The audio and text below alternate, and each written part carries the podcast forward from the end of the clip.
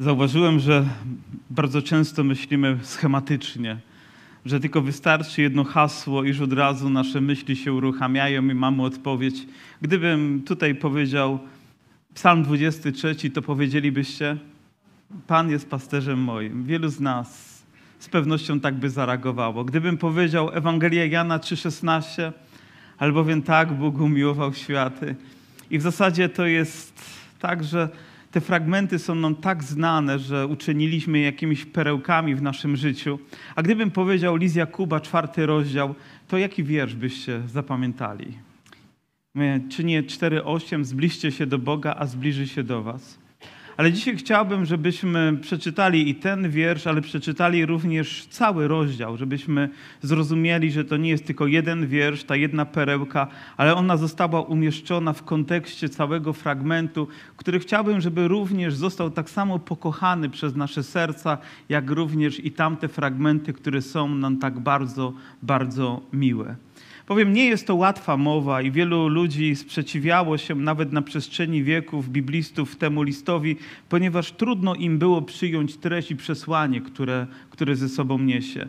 Nawet ktoś taki jak Marcin Luther uznał, że ten list nie ma zbyt wielkiej wartości dla naszego chrześcijańskiego życia i niestety muszę to stwierdzić, że się mylił, bo uważam, że ten list ma ogromną wartość dla naszego życia, dla życia społeczności, czego dowodem będzie i ten fragment, i wcześniejsze, i późniejsze, które będziemy czytać podczas naszych środowych nabożeństw.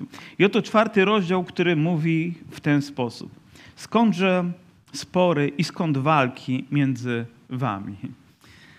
Zaczyna się dość dramatycznie i myślę, że to jest takie retoryczne pytanie, bo mówi Jakub zna odpowiedź, ale mówi, ale dlaczego tak się dzieje, że wśród chrześcijan dochodzi do sporów, dochodzi do walk, dochodzi nawet do kłótni, o tym mówi nieco wcześniej.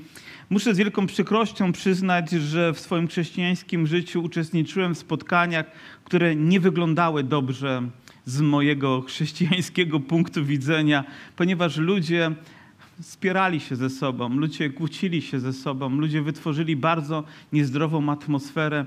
I niestety takie rzeczy zapamiętujemy na długo, towarzyszą nam, ale nie są czymś, co zrodziło się tydzień, miesiąc, rok, pięć lat temu, ale wygląda na to, że one miały miejsce od samego początku. Ktoś z Was uczestniczył w takich sytuacjach? Kogoś z Was dotknęło to, kogoś z Was zraniło, być może nawet wielu ludzi zgorszyło. I myślę, że w ten sposób, zadając to pytanie, jakby Jakub chce udzielić nam odpowiedzi, żebyśmy też i my z tym słowem mogli się zmierzyć, aby do takich sytuacji nie dochodziło.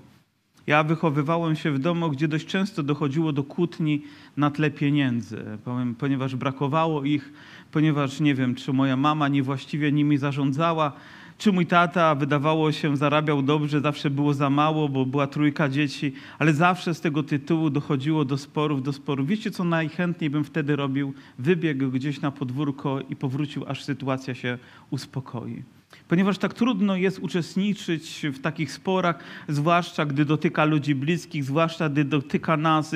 I być może wy również macie jakieś przykre doświadczenia i nie chciałbym, żeby takie rzeczy były w zborze, nie chciałbym, żeby takie rzeczy miały miejsce w Bożym Królestwie. A więc warto pochylić się nad tym słowem, co może sprawić, że do takich sytuacji nie będzie dochodzić. My skupiamy się na rzeczach dużych, ważnych, na rzeczach, które są tak wielce problematyczne i w nie atakujemy, ale być może problem jest w tym, że nie zastanawiamy się, jak wyeliminować te pomniejsze rzeczy, które mogą powodować te większe i jeszcze większe, albo uruchamiają jakąś lawinę, która potrafi tak wyniszczająco wpływać na, na, nasze, na nasze życie. W zborze oczywiście rozprawiamy się z problemem takim jak picie alkoholu. Trzeba się z tym rozprawiać, bo to jest złe. Rozprawiamy się z paleniem papierosów, a więc nie, nie zachęcamy nikogo i negujemy palenie, bo to, jest, bo to jest złe, bo to jest niewłaściwe, bo to jest uzależnienie, ale nie rozprawiamy się już z taką samą stanowczością, na przykład ze sporami, z plotkami. Z jakimiś potrzebami gdzieś tam na, na boku, z ludźmi o różnych rzeczach. Jakby to już nie jest na kanwie, to już nie jest czymś, co jest przedmiotem naszych codziennych troski, rozmyślań, aby z tym się rozprawić, a może to one powodują większy wyłom niż te duże. Choć oczywiście nie pochwalam tego w żaden sposób i absolutnie nie chcę mieć z tym też nic wspólnego, ale rozprawmy się z tym, każdy z nas osobiście, nie będziemy patrzeć teraz jeden na drugiego, ale mam nadzieję, że każdy spojrzy w swoje serce i będzie mógł wyciągnąć z tego osobistą lekcję. Czy nie pochodzą one z namiętności waszych, które bój toczą w członkach waszych? Czy problemem nie jestem ja? Czy problemem nie jest to, że moje członki, moje, moja cielesność tak łatwo i tak szybko potrafi się odezwać, a zwłaszcza wtedy, gdy zostanie wystawiona na jakąś próbę, gdy naprzeciwko mnie postawi się osoba, z którą się nie zgadzam, tak trudno mi powstrzymać język, tak trudno mi powstrzymać emocje, tak trudno mi nie zareagować, ponieważ do tej pory tak łatwo mi to przychodziło, ale to nigdy nie było uzdrowieńcze, to nigdy nie było rozwiązaniem problemów. Czy udało Wam się w małżeństwie kiedyś rozwiązać problem przez kłótnię? Czy udało się problemy rozwiązać w domu przez kłótnie? Czy udaje się problemy rozwiązywać w zborze przez kłótnie, przez spory? A więc jeżeli nam się nie udaje tego, to dlaczego do tego dochodzimy? Dlaczego wciąż mamy w tym uczestniczyć, skoro to tylko wyniszcza nasze życie. Widać takie miejsce, takie rzeczy już miały miejsce w pierwszym kościele, bo przecież e, Jakub nie bierze sobie tego od tak z powietrza i mówi, no kiedyś taki problem będziemy mieć, ale mówi do konkretnych ludzi. W zasadzie nie mówi do jednego zboru, ale mówi do wielu zborów, mówi do ludzi wierzących, którzy są rozproszeni, można by rzec po całym ówczesnym świecie. Mówi do, do mnie i do ciebie, mówi, dlaczego uczestniczymy w tym, dlaczego pozwalamy, żeby te rzeczy w nas odzywały się w tak bolesny i wyniszczający sposób. I nieraz takie rzeczy rozpoczynały się dość błaho, a kończyło się nawet tym, że zbory się rozpadały. Kończyło się tym, że małżeństwo się rozpadało.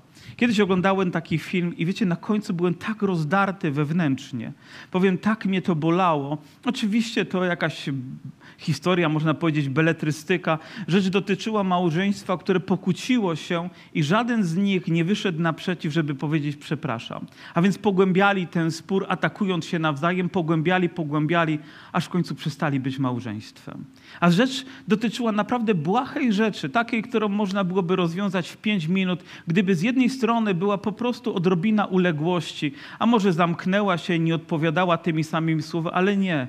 Zaczęli się atakować, atakować, a więc po kilku miesiącach nie było już małżeństwa. Tragiczna rzecz. Ja mówię, jak to możliwe, że to się tak wyeskalowało?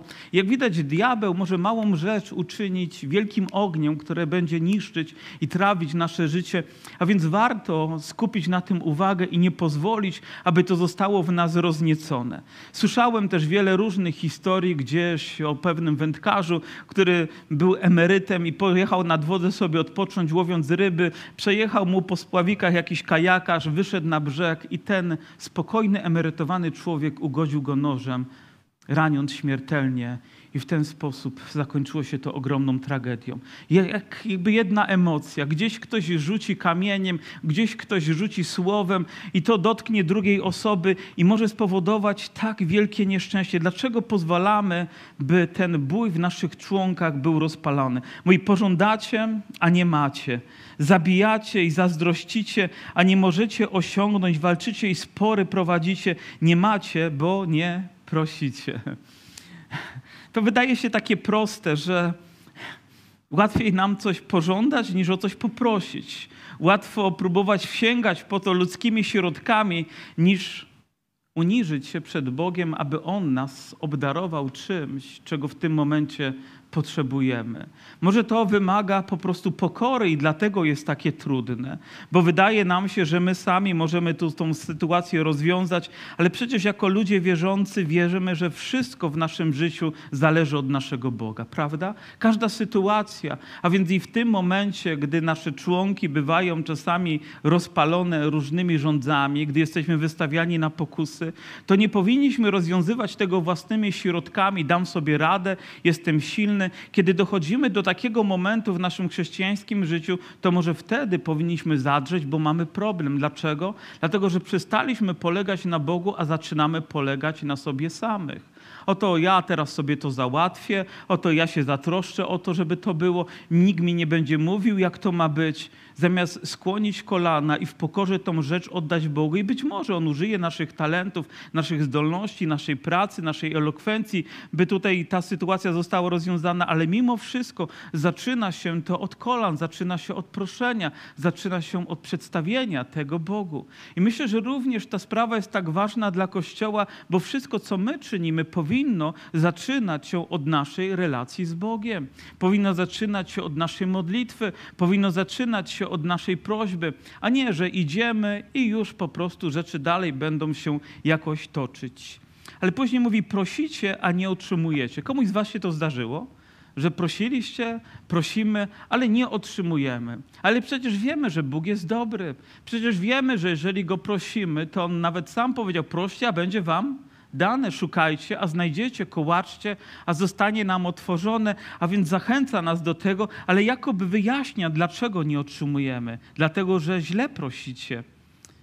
Zamyślając to zużyć na zaspokojenie swoich namiętności. A więc tym, co nas pcha do tego, żeby to uzyskać, jest jakaś żądza, która została w nas rozpalona, ale niekoniecznie pokrywa się ona z wolą Bożą i tym, czego Bóg chce dla nas. Kiedyś żona Billy Grahama powiedziała, że Bóg jest tak dobry, że nie odpowiedział na każdą jej modlitwę, bo to byłoby niewłaściwe dla niej. I myślę, że to jest również prawdą w moim życiu, że nie wszystkie modlitwy zostały wysłuchane nie dlatego, że Bóg ich nie usłyszał, ale dlatego, że Bóg wie, że to nie byłoby w tym momencie dla mnie najlepsze, a On wie, co jest dla mnie dobre i to, co daje, ja przyjmuję z wiarą, ponieważ On we wszystkim chce działać w moim życiu ku dobremu, czyli tym, co będzie najlepsze. Może jako zbór też jakąś rzecz się modlimy, na przykład, a Bóg nie odpowiada. Czy to znaczy, że On się od nas odwrócił? Nie, a może On chce inaczej, może chce dać nam coś innego, może chce przekierować nasze, nasze myśli, nasze zasoby, nasze działania, nasze programy na coś, co będzie zgodne z Jego wolą, więc potrzeba tu wytrwałości, otwartości i może pokory, aby przyjść i prosić dalej. Wiarołomni, i to słowo tutaj tak mocno też mną szarpnęło, czy nie wiecie, że przyjaźń ze światem jest, e, światem to wrogość wobec Boga? Jeśli kto chce być przyjacielem świata, staje się nieprzyjacielem Boga. Przypomniałem wam wiersz, który czytaliśmy i który lubimy, że Bóg tak umiłował świat. A więc mamy słowo świat i mamy słowo świat. Z jednej strony mamy mowę o tym, że Bóg umiłował świat, a z drugiej strony mamy mowę o tym, że mamy nie zaprzyjaźniać się ze światem, ponieważ to będzie wrogością wobec Niego. I myślę, że gdy Pan mówi o tym, że On umiłował świat, to nie znaczy, że On umiłował grzech, który tam się toczy i nie chce, żebyśmy mieli z tym nic wspólnego. On umiłował ludzi, którzy potrzebują zbawienia, którzy potrzebują nadziei, którzy potrzebują usprawiedliwienia w swoim życiu, którzy potrzebują Ewangelii, którzy tak naprawdę potrzebują Chrystusa. Bóg tak umiłował świat, posyłając Chrystusa. To jest Jego odpowiedź miłości na potrzeby, na potrzeby świata.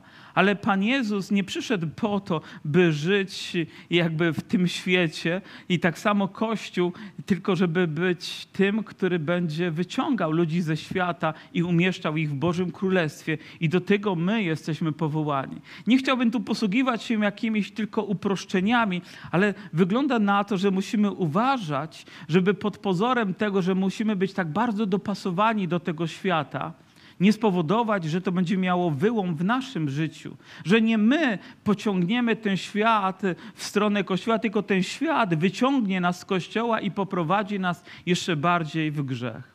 Słyszałem tę historię wiele razy i ją powtarzam, ponieważ do mojego serca przemówiło, jak pewna młoda dziewczyna, pobożna dziewczyna, wychowana w chrześcijańskim domu, akurat wylądowała gdzieś w akademiku w Stanach, to było w jakimś koledżu, no i oczywiście dostała trochę wolności, trochę paliwa, świeżego powietrza, uwolniona od spojrzeń rodziców i od zdawania codziennie relacji przed nimi.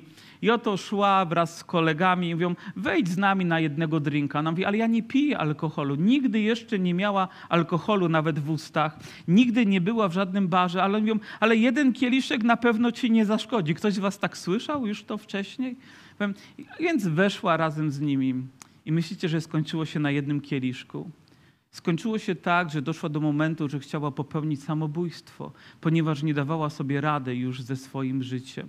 A więc e, czy to była przyjaźń? No na pewno nie ze strony świata do niej i ten gest wygląda się, był niepotrzebny i nie mówię o tym, żebyśmy nie przyjaźnili się z ludźmi, bo powinniśmy się przyjaźnić, ale powinniśmy bardzo uważać, żeby nie zaprzyjaźnić się ze światem żeby nie utożsamiać się z nim, żeby nikt nie powiedział, że nie ma różnicy między Kościołem a światem. To jest chyba najbardziej smutna rzecz, jaką słyszę, gdy ktoś przychodzi i mówi, a przecież nie ma różnicy.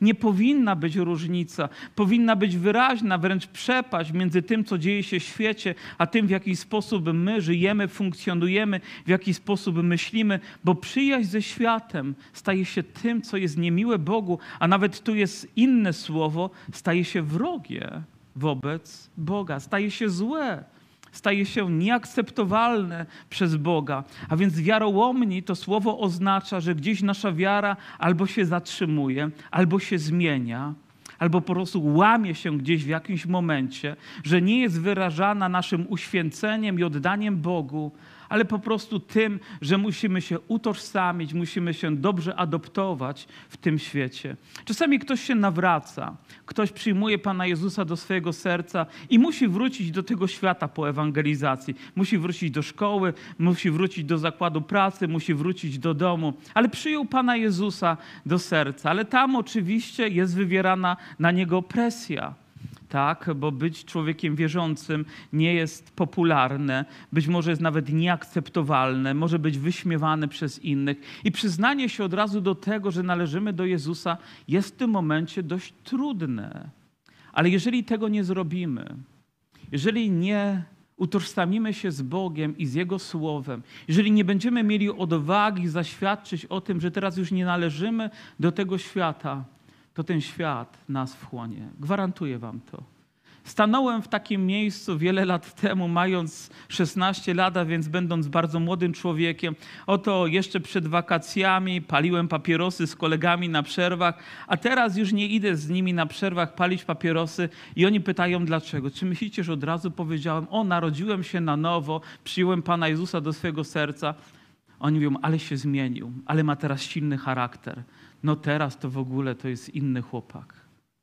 I potrzeba było kilku miesięcy, zanim wyciągnąłem Ewangelię i powiedziałem sobie w sercu tak: jeżeli nie wyciągnę Ewangelii i nie przyznam się do Chrystusa, to ten świat naprawdę mnie pociągnie.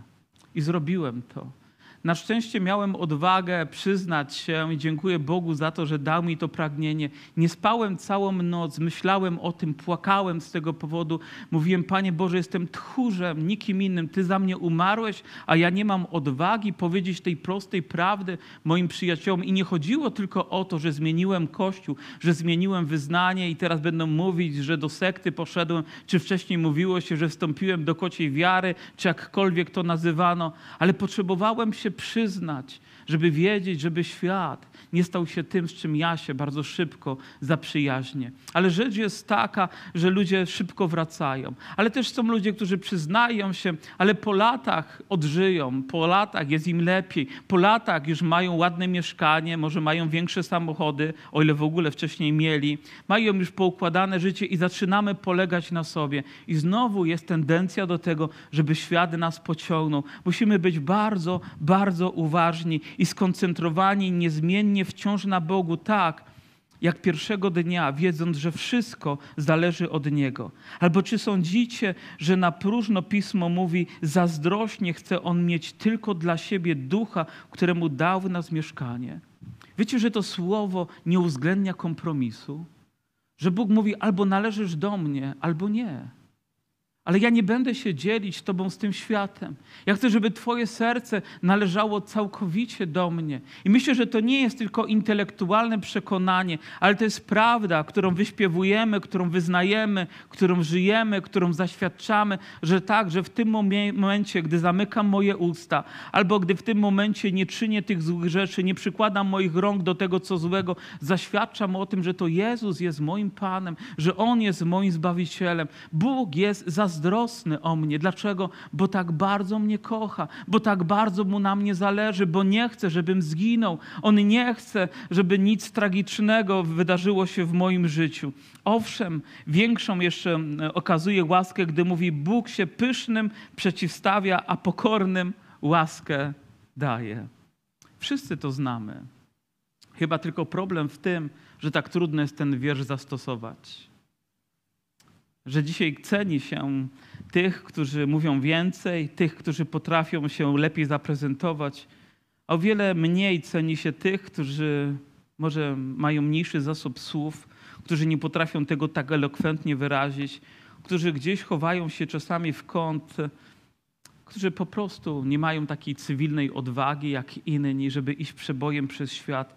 A może to nie tylko po prostu, po prostu nasza postawa uległości przed Bogiem, oddania Mu wszystkiego w naszym życiu. I później dochodzimy do tych wierszy, które są tak kluczowe dla nas, które są rozwiązaniem, myślę, i też ukierunkowaniem naszego życia. I mówi, przeto poddajcie się Bogu. Do kogo mówi? Do wierzących. Czy nie oddaliśmy naszego życia?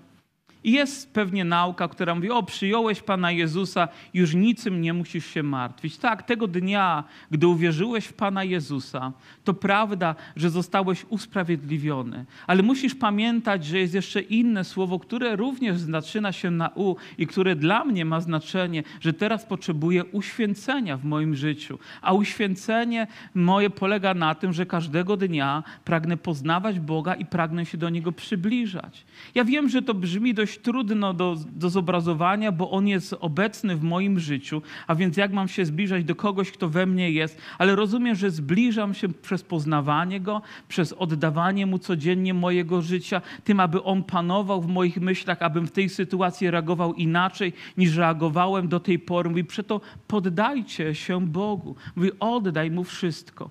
Czasami jest to również akt wiary, który musimy dokonać. Tak jak mówi list do Rzymian, 12 rozdział, rozdział. Wzywam was wtedy, bracia, przez miłosierdzie Boże, abyście składali ciała swoje jako ofiarę żywą, świętą, miłą Bogu. Innymi słowy, wciąż na nowo na ołtarzu poświęcenia składamy samych siebie, aby to Bóg panował niepodzielnie w naszym życiu.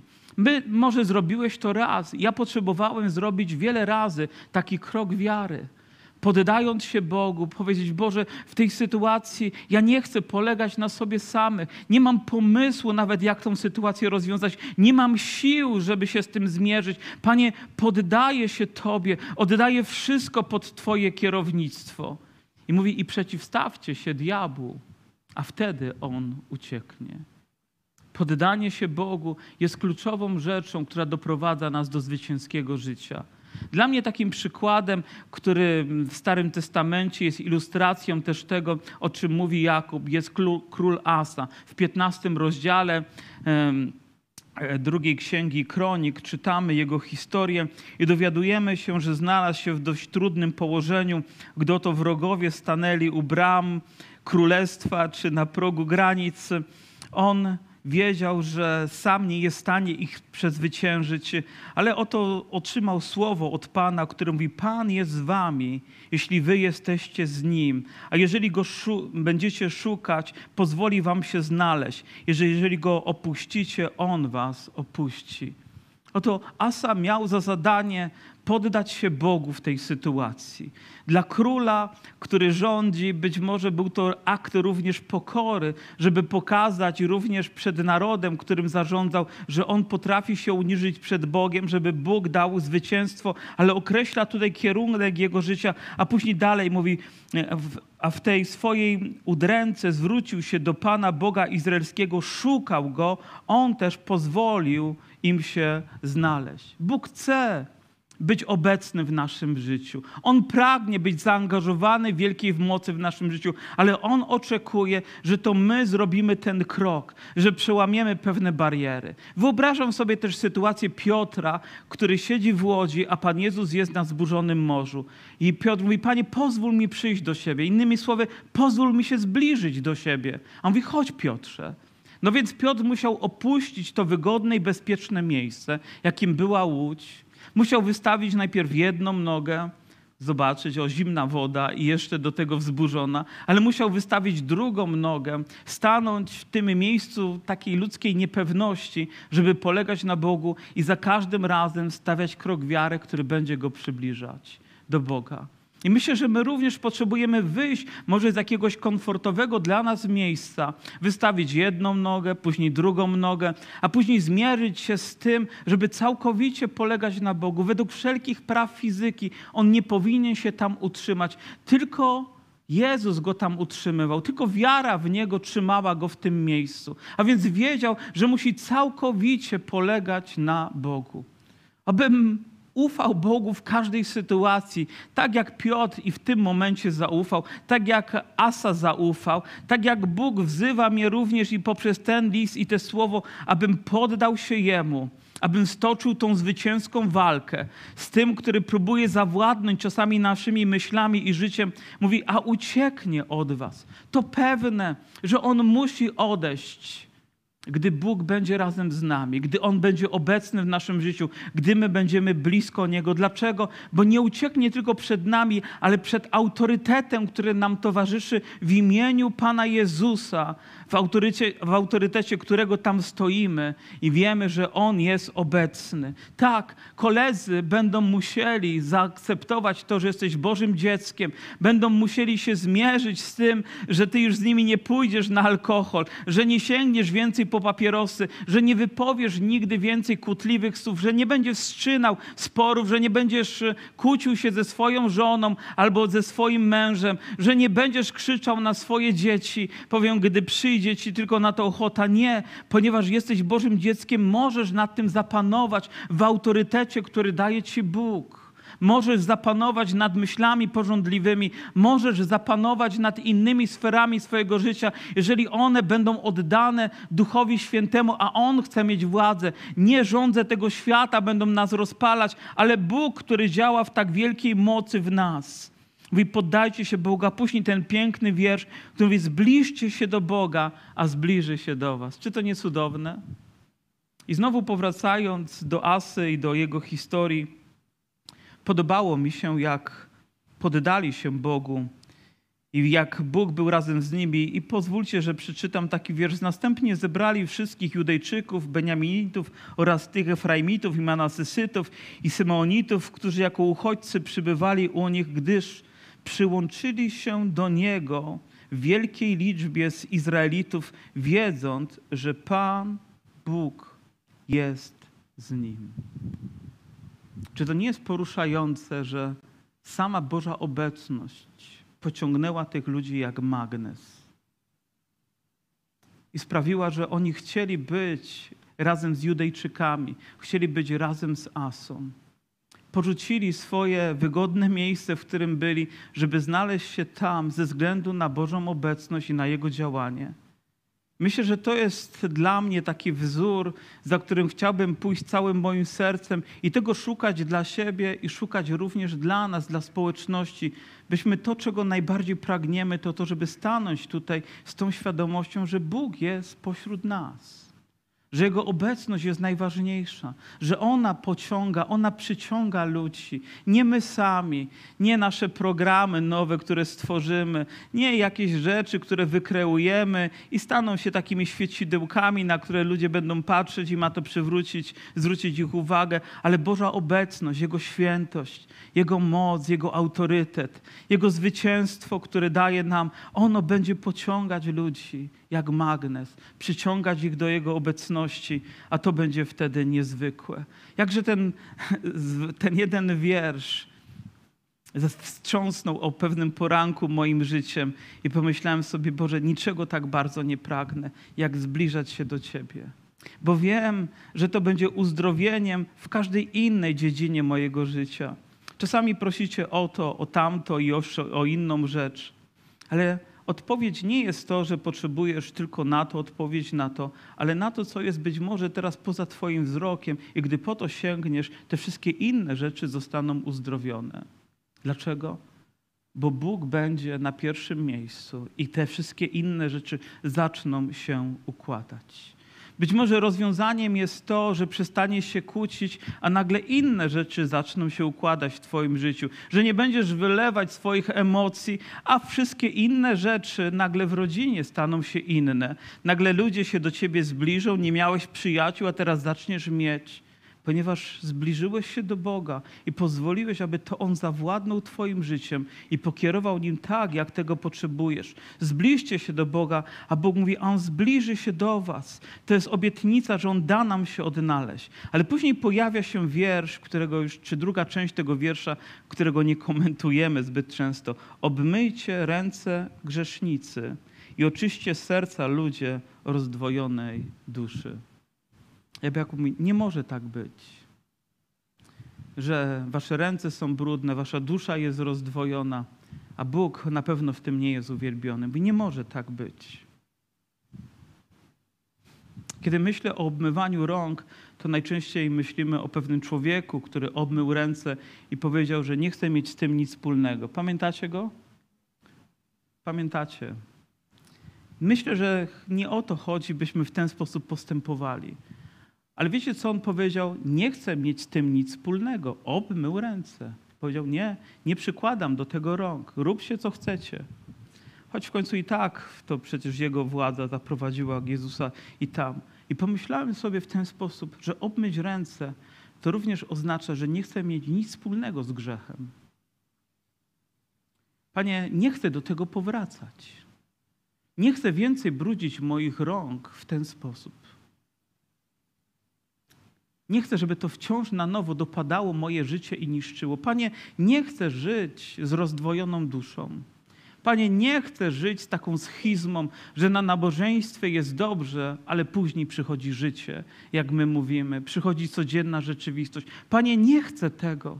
Panie, chcę, żeby moje życie było tak, taką jednością w Tobie. Panie, żeby Twoja obecność była tego gwarancją. Panie, nie chcę wybuchać niepotrzebnie. Proszę, pozwól mi zapanować nad moim językiem. Panie, nie chcę, żeby moje myśli wędrowały tam, gdzie nie powinny, a to później uruchamia inne moje porządliwości i kończy się tak, jak zazwyczaj. I być może nawet wielu z Was wie, o czym mówię, i być może to sięga również Was bardzo głęboko. Panie, pozwól, aby moje życie było tak transparentne przed Tobą. Panie, chcę być tak autentyczny w Twojej obecności.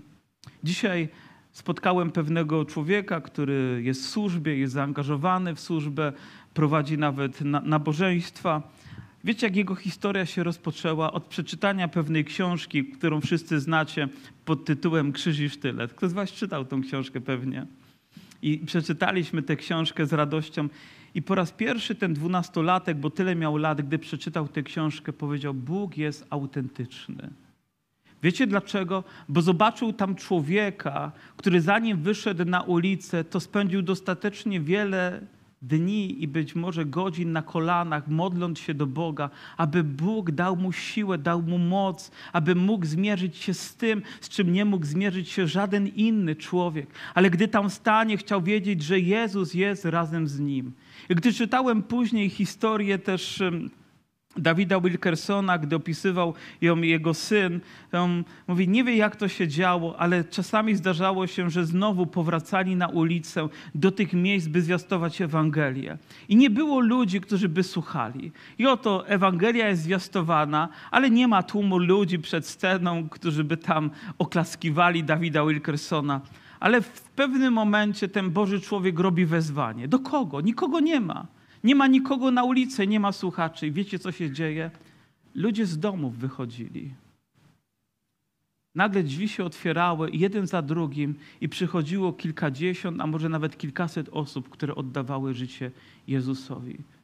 Wierzę, że takie rzeczy dzieją się wtedy, kiedy jesteśmy blisko Boga, kiedy jesteśmy w Jego obecności, kiedy doświadczamy Jego łaski w naszym życiu w taki ponadnaturalny sposób i widzimy, jak Bóg działa. Obmyj swoje ręce, powiedz: Nie chcę do tego wracać, nie chcę starego życia. Panie, nie chcę ciągle brudzić sobie rąk w tym samym. Panie, chcę, aby one były czyste przed Tobą, chcę je wznosić, Panie, przed Twoim obliczem. Mówi, biadajcie, smućcie się i płaczcie, śmiech was niech, niech się w żałość obróci, radość w przygnębienie. Czy to nie powinno być odwrotnie? Że przygnębienie powinno obrócić się w radość, że smutek w śmiech? Ale czy ten fragment nie mówi o autentyczności pokuty, o tym świętym smutku, który dopada nasze serca z powodu nie stanu tego świata? Nie jest ten fragment do świata, ale stanu naszego życia. Pamiętam kiedyś książkę Fineja na temat przebudzenia. I w jednym z rozdziałów opowiada, jak zaprosił różnych przywódców, aby razem zebrali się na modlitwę. To była chyba sylwestrowa modlitwa. Całą noc mieli spędzić, modląc się do Boga. Gdzieś mówi o 12 czy o pierwszej w nocy, jakiś kilku ludzi zaczęło tam przeszkadzać trochę w tej modlitwie, więc powiedzieli im, że albo się uspokoją, albo niech wyjdą. A oni dalej trwali w takiej modlitwie szczególnej. Mówi o trzeciej lub czwartej nad ranem. Mówi, przyszła Boża obecność, tak namacalna, że nikt nie miał wątpliwości, że ta sala wypełniła się Bożą chwałą. Wiecie, co było jedynie słychać? Płacz przywódców, liderów, ludzi, którzy piastowali jakieś służby, płakali przed Panem, jak dzieci. Otwierając swoje serca, prosząc Boga, aby ich oczyszczał, prosząc Boga, aby im przebaczał, prosząc Boga, aby ich napełniał i Pan ich napełnił. I mówi, gdziekolwiek pojechałem później, w różnych sytuacjach, czy zwiastować Ewangelię, czy w ewangelizacjach, spotykałem tych ludzi albo świadectwa o tym, co Bóg czynił przez tych ludzi w życiu tysięcy ludzi innych. Może warto czasami zapłakać. Może czasami warto rozedrzeć tą maskę naszej pobożności i powiedzieć: Panie, przygnębione jest moje serce. Mówi: Uniszcie się przed Panem, a On wywyższy Was. Nie obmawiajcie jedni drugich. Kto obmawia lub posądza brata swego, obmawia zakon i osądza zakon. Jeśli zaś osądzasz zakon, nie jesteś wykonawcą zakonu, lecz sędzią. Jeden jest zakonodawca i sędzia, ten, który może zbawić i zatracić. Ty zaś kim jesteś, że osądzasz bliźniego? Nie osądzaj. Kolejną rzeczą, bardzo praktyczną rzeczą, do której chciałbym zachęcić każdego z Was, to to, żebyśmy nie obmawiali jedni drugich. Masz nad tym moc. Po prostu, gdy przychodzi pokusa, żeby powiedzieć o jednostanie za dużo, nie jest to omawianie sytuacji, bo my to tak usprawiedliwiamy często, ale to jest mówienie o kimś w niewłaściwy sposób. Mówienie o tym, jakie ma wady, o tym, jak mu się coś nie udało. I być może nawet wszystko jest prawdą, tylko że to jest niedobre. Być może wszystko możesz nawet udokumentować, ale to nie będzie właściwe. Po prostu zamilknij. Po prostu pozwól, aby ta rzecz umarła, aby ona nie była przywracana wciąż i wciąż na nowo. Kiedyś pewien pastor opowiadał, jak powiedział kazanie, a przed kazaniem śpiewała pewna dziewczyna, która no, śpiewała ładnie, ale wygląda, że tego dnia nie poszło jej najlepiej. Gdzieś tam nie wszczeliła się w dźwięki, gdzieś zafałszowała, coś poszło nie tak. No i on zszedł na dół i rozmawia z jakimś tam przywódcą i mówi, co? Mówi, nie poszło tej dziewczynie. Ktoś ze pracowników zboru mówi, źle zaśpiewała, zafałszowała, nie? I ona w tym momencie przechodzi. Wiecie, jak to się zdarza w takich momentach, że ta osoba się pojawia, a on klepie ją po ramieniu mówi, o dobrze ci poszło. A później patrzy na tego pastora, o miałeś dobre kazanie. Uwierzylibyście? Myślę, że potrzebujemy czegoś autentycznego w naszym życiu, że chodzimy do takiego miejsca, gdzie nie chcemy udawać, chcemy być szczerzy, po prostu każdy z nas osobiście przed Bogiem. Chcemy zbliżyć się do Niego. I gwarantuję Wam, że to zadziała. Zadziała zwycięstwem, zadziała odnowieniem, zadziała uświęceniem, zadziała jakością Waszego życia, zadziała odnową w naszej społeczności i w naszej rodzinie. Wyobrażacie sobie zbór, który nie plotkuje Zbór, który się nie kłóci. Zbór, który się uniża przed sobą nawzajem. Czyż nie takiego zboru chce Jezus? Do zboru w Laodycei mówi: Oto stoję u drzwi i kołaczę. 3:20 Księga Objawienia. Do zboru. To nie jest tylko indywidualnie do jednego wierzącego, ale do kościoła. Oto stoję u drzwi. Gdzie jest Jezus? Za drzwiami. Oni odeszli od Niego. Oni go pozostawili za drzwiami. I potrzeba jednej osoby, która pójdzie, otworzy te drzwi i powie: Panie Jezu, przyjdź. Proszę, to jest Twój zbór, to jest Twój kościół, Ty jesteś Jego Panem. Może potrzeba tutaj jednej osoby, która mówi: Nie, nie będę plotkować. Która mówi: Nie, nie będę źle mówić. Która powie: Panie, będę zbliżać się do Ciebie. Panie, będę szukać Twojego oblicza i pragnę, aby inni zobaczyli we mnie Twoją obecność. Panie, nie chcę, żeby widzieli trochę świata i trochę świętości. Panie, chcę, aby widzieli Ciebie. Panie, chcę być autentyczny.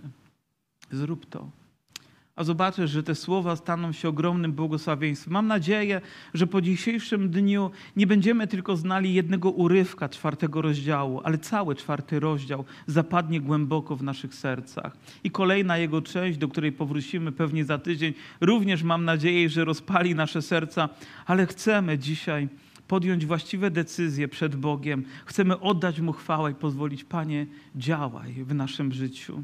Chciałbym za każdym razem mówić: niczym się nie martw, wszystko będzie dobrze, Bóg wszystko poukłada, ty tylko idź naprzód. Ale nie, Bóg mówi: najpierw uklęknij, pomódl się, najpierw wylej łzy, najpierw obmyj swoje ręce, najpierw może zrób porządek swoim sercem ze swoimi ustami, a ja zatroszczę się o Twoje życie.